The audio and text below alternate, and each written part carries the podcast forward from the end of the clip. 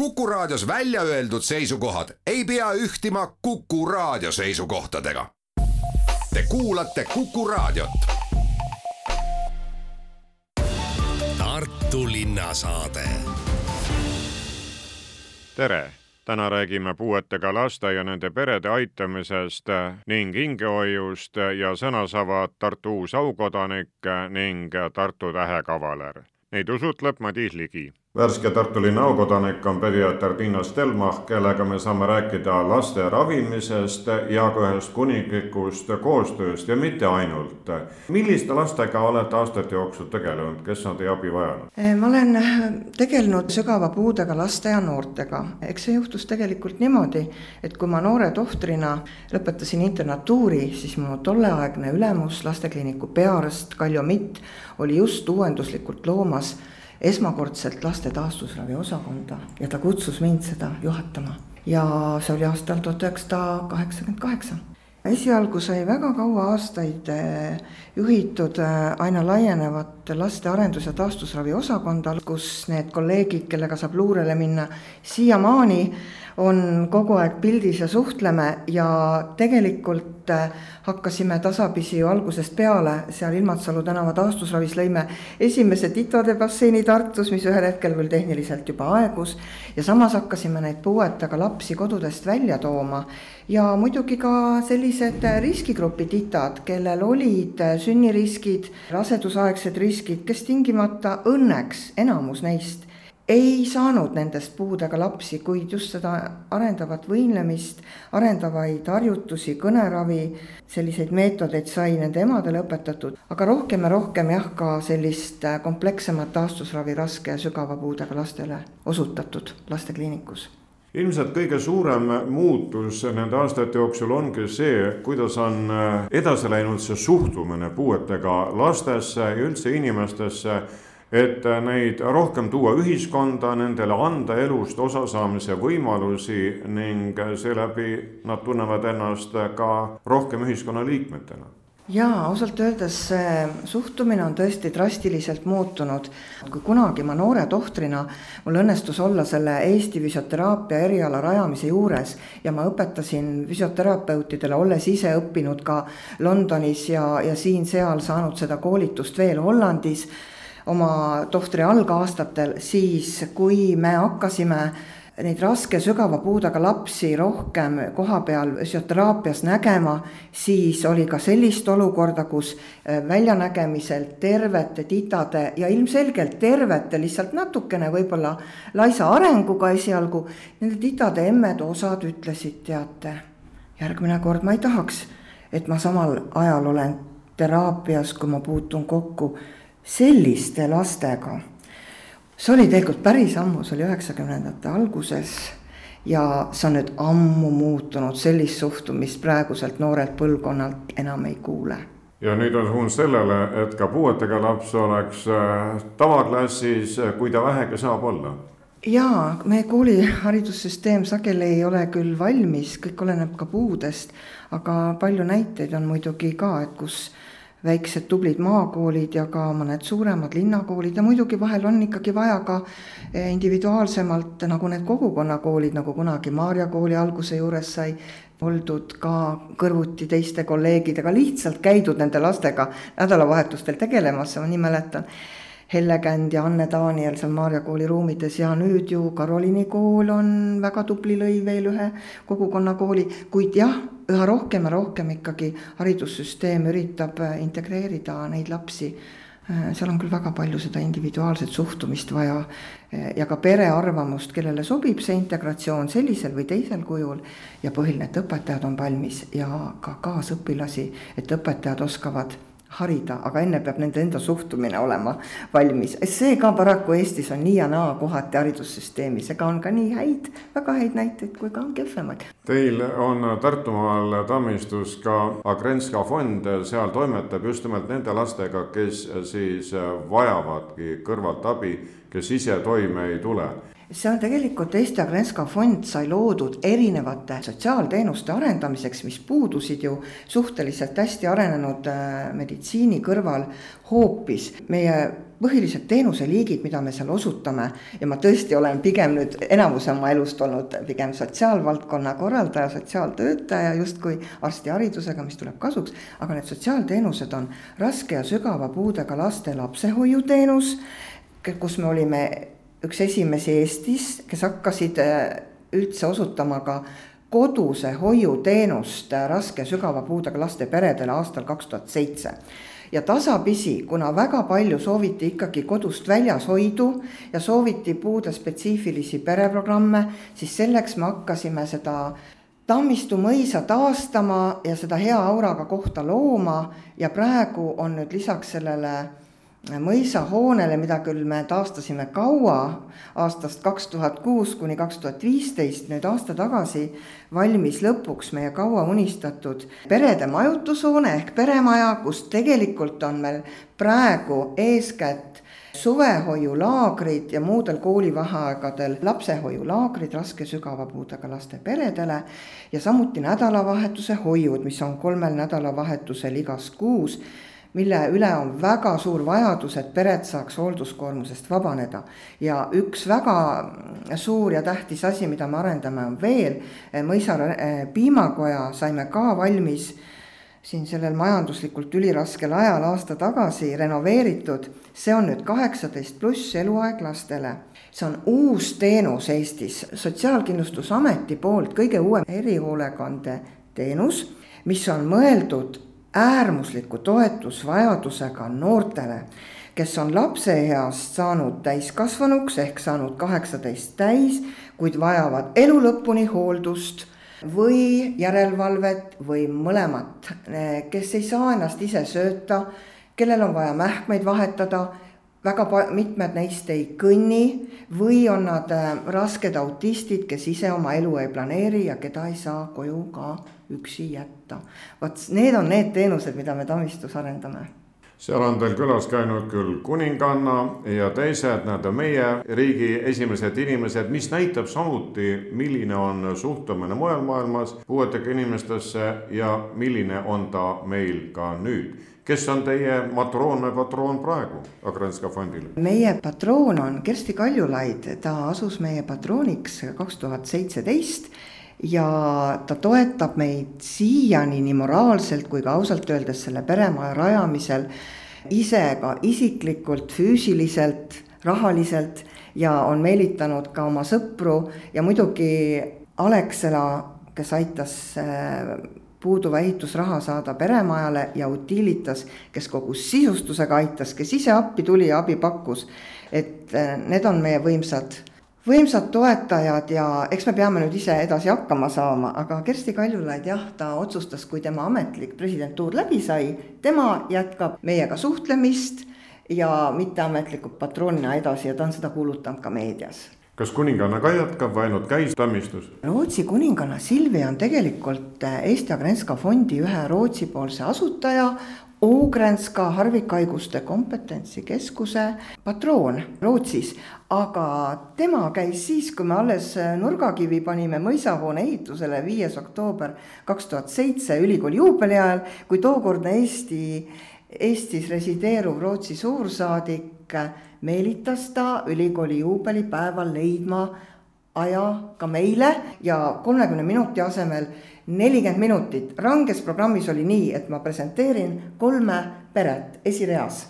ja tegelikult ta tahtis kõigil, kes seal esireas olid, puudega noored ja puuetega laste pered, kõigil kätt suruda, see oli talle niivõrd tähtis kuninganna Silviale. ja see on selline väga põnev asi. Ja me sattusime ka meediasse just nende piltidega, kus need noored, need täiesti spontaanselt kaasa võetud, ise tehtud kingitused olid toonud ja sattusid sellega meediasse, said ka reaalselt üle anda, see oli ikka väga kihvt kui paljudele lastele ja lastevanematele te Agranska fondiga suudate korraga abi anda? me ei saa rääkida ainult tammistuskorraga, sest tõesti, meil on praegu umbes sada kakskümmend last, kes regulaarselt saavad koduse hoiuteenust, mida väga paljud soovivad, osad neist saavad vahepeal ka tammistus kes kuidas tahab, tegelikkuses on, oleks meil võimalus, kui oleks rahastust, kui oleks suuteline kohalikud omavalitsused ostma meilt äh, rohkem teenust, et me saaks ikkagi võtta inimesi tööle väärilise palgaga, lapsehoidjad, tugiisikud. me suudaks korraga, ütleme umbes neljakümnele lapsele äh, majutusega lapsehoidu pakkuda